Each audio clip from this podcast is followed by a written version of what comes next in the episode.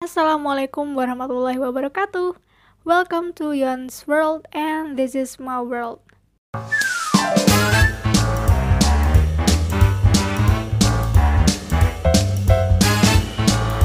Jadi ini adalah podcast pertamaku. Sebelumnya makasih yang udah klik podcast ini and enjoy this podcast.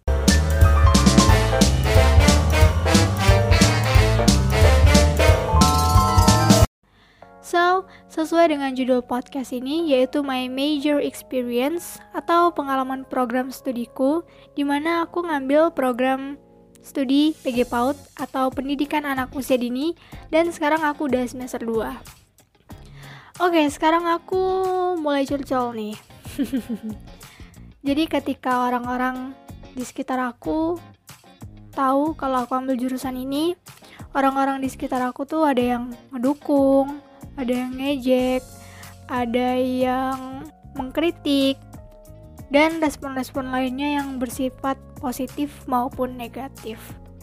Respon positif dari orang di sekitar aku itu berupa dukungan dan ngasih semangat.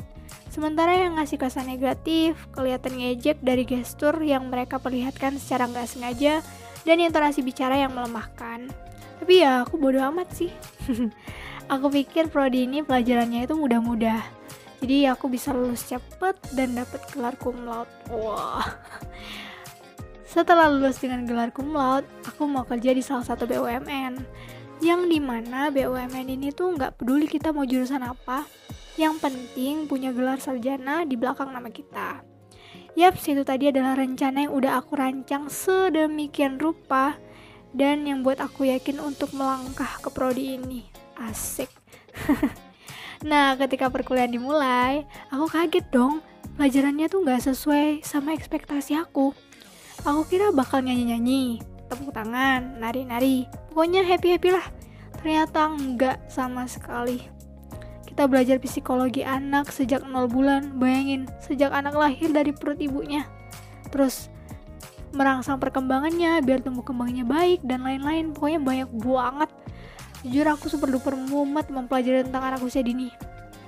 Belum lagi tugas numpuk, kadang praktek ini, kadang praktek itu, gak bisa nyantai banget aku rasanya.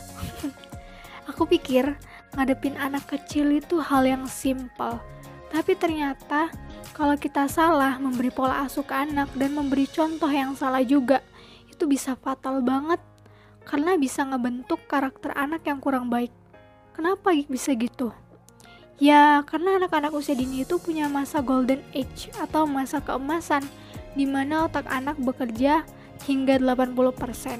Jadi apa pun yang anak lihat, yang anak dengar, mau positif maupun negatif itu cepet banget dia serap. Makanya masa keemasan ini merupakan timing yang tepat untuk kita menanamkan karakter yang baik.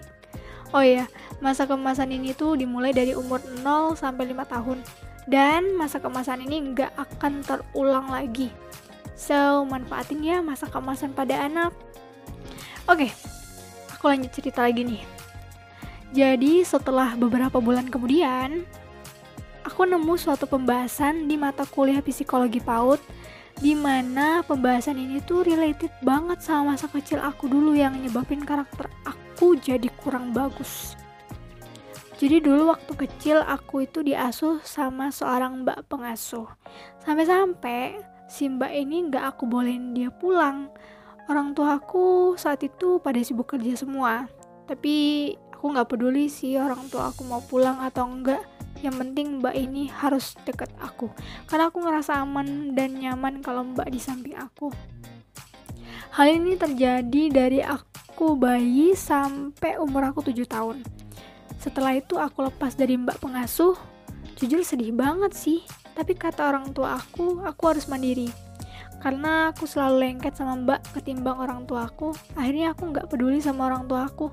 Kadang aku suka ngelawan, nggak mau dengar nasihat mereka, karena nggak ada rasa aman dan nyaman kalau deket sama orang tua. Beda banget sama si mbak.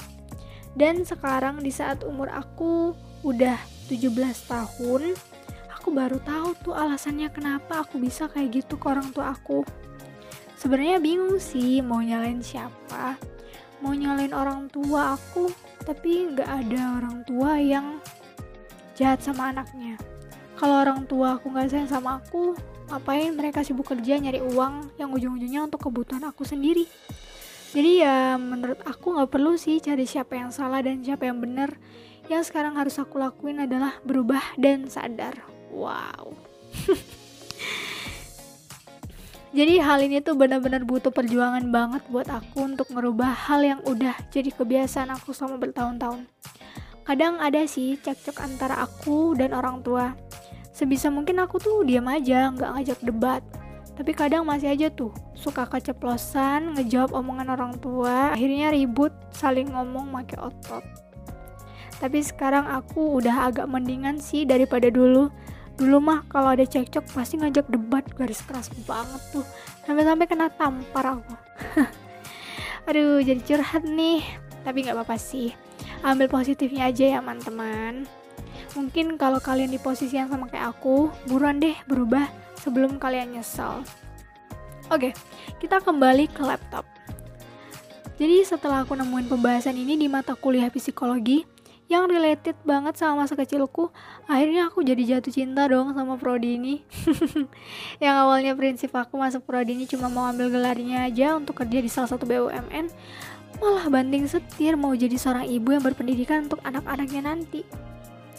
Karena menurut aku anak itu adalah investasi yang Tuhan titipkan kepada para orang tua di mana investasi ini tuh untuk di dunia maupun di akhirat. Gitu Nah, untuk kalian nih yang mau memahami tentang ilmu PAUD, teman-teman bisa kok masuk prodi ini atau baca jurnal-jurnal kepautan dan bisa juga tuh baca buku PAUD yang udah banyak dijual di toko-toko buku. So, ya yeah, itu tadi experience aku tentang prodi ini. Menurut aku nggak ada sih prodi yang sulit dan yang mudah karena setiap prodi itu ada tingkat kesulitan dan tingkat kemudahannya. Mereka berkolaborasi agar kita bisa belajar lebih dalam dan berpikir lebih kritis. Oke, makasih teman-teman yang udah dengar podcast ini dari awal sampai akhir. Semoga podcast ini bisa bermanfaat untuk kita semua. Boleh kok kalau kalian request mau aku buatin apa untuk podcast selanjutnya. Oke? Ya udah, itu aja ya dari aku. Wassalamualaikum warahmatullahi wabarakatuh.